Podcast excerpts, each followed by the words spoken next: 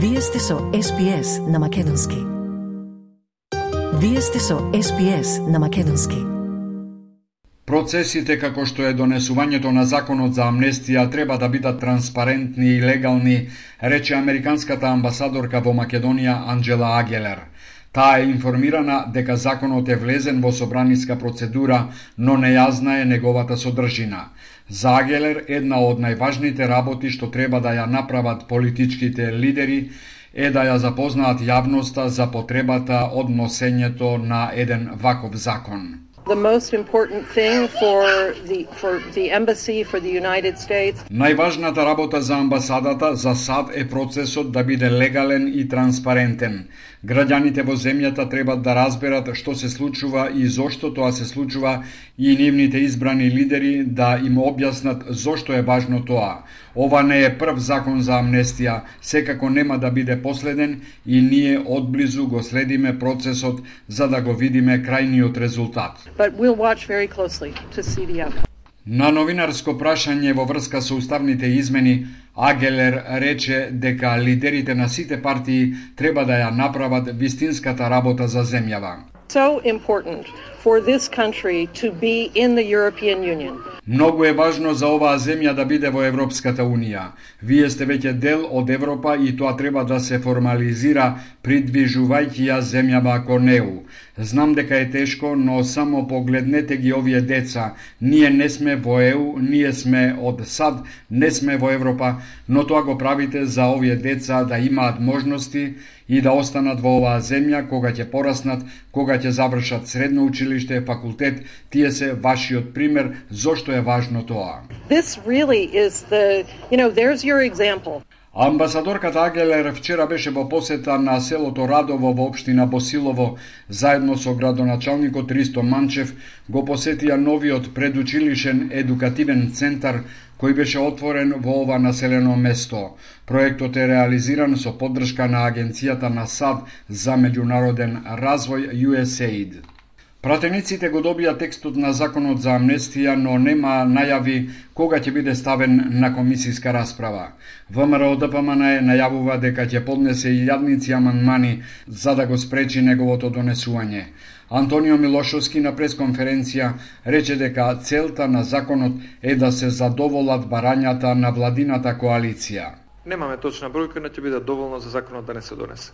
Затоа што сметаме дека законот за амнестија е политички проект на власта за трговија со влијание, да се даде амнестија на осудени криминалци, а за возврат да се добие поддршка во предизборната кампања за вршење на валканите работи во текот на изборите. Албанската опозиција вели дека ставот за законот за амнестија допрва ќе го гради во партиите.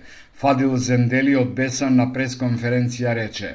Впечаток е дека се, се прави овој предлог закон е од политички побуни на власта, значи тоа е неспорно, неспорно дека е поради политички побуни, интереси на на власта за овој закон, но во суштина се работи за луѓе навистина казнети со правосилни одлуки, но сепак се работи за човечки битија. Алијансата на албанците која преку министерот за правда Кренар Лога стои за овој закон нема ништо против тоа што нивниот коалиционен партнер СДСМ најавува амандман за да се спречи излегувањето на осудените за случајот Монструм. Абдула Салиу на пресконференција рече има разбирање, значи во преговори сме со коалициониот партнер да се разидува, да не се разидуваме за овие проблеми што ги имаме во моментот. Паралелно со законот за амнестија, Министерството за правда до владата го достави и законот за помилување, кој од минатата година е во фаза на изработка. Според предложеното законско решение, председателот на државата ќе може да помилува само лица кои се правосилно осудени и на кои веќе им е одредена казна, а не и лица кои се предмет на кривично гонење. Опозицијата бара интерпелација на државниот обвинител Љубомир Јовески затоа што наводно влијаел врз судскиот процес за модуларната болница во која изгореа 14 мина пациенти во време на ковид кризата. Интерпелацијата ќе се најде на дневен ред на собранието на првата наредна седница, информира кабинетот на председателот Талат Џафери. Во одговорот на оваа иницијатива, Јовески негира секакво влијание и притисок од негова страна врз постапката. Вчера пратениците од албанскиот блок, односно од БЕСА, од Демократското движење и од Алтернативата реагираа на тоа што досега Джафери не ја ставил точката на дневен ред. Сафие Садики од Алтернатива на пресконференција рече. Поминаа 15 дена, а председателот на собранието, господин Тала Джафери, не закажа пленарна седница на, за оваа интерпелација.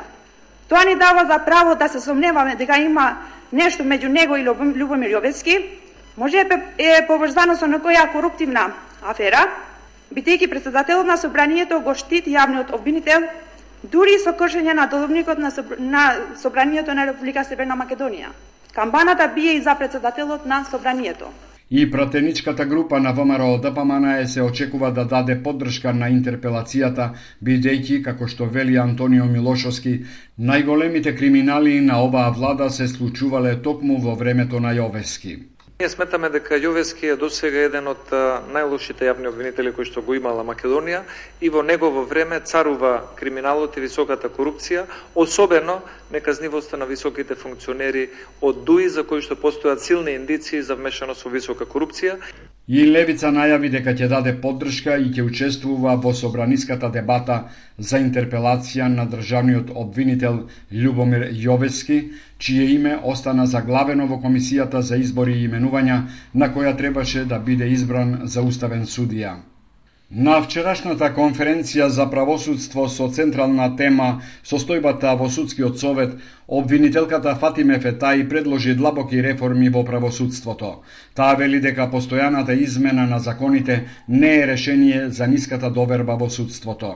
Фетај вели дека е потребен реизбор на апелационите и на врховните суди, а тоа да се примени и за вишите обвинители од државното обвинителство.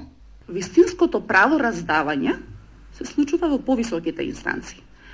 Више обвинителство, апелационен суд, врховен суд, јавно обвинителство на Република Северна Македонија. Тие се тие кои што укинуваат, потврдуваат, преиначуваат одлуки на пониските инстанции.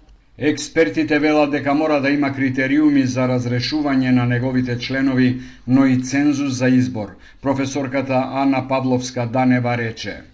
Ние можеме колку сакаме да ги менуваме законите, да ги усовршуваме, да ги подобруваме, доколку не постои политичка волја за нивно спроведување, тие повторно ќе останат голослово на хартија. Олја Ристова, судија во Основниот кривичен суд Скопје рече. Во законот нема пропишано законски одредби за одговорност на членовите на судскиот совет кој ги избира собранието и ги предлага председателот и нивната можност за разрешување од органот кој ги избрал.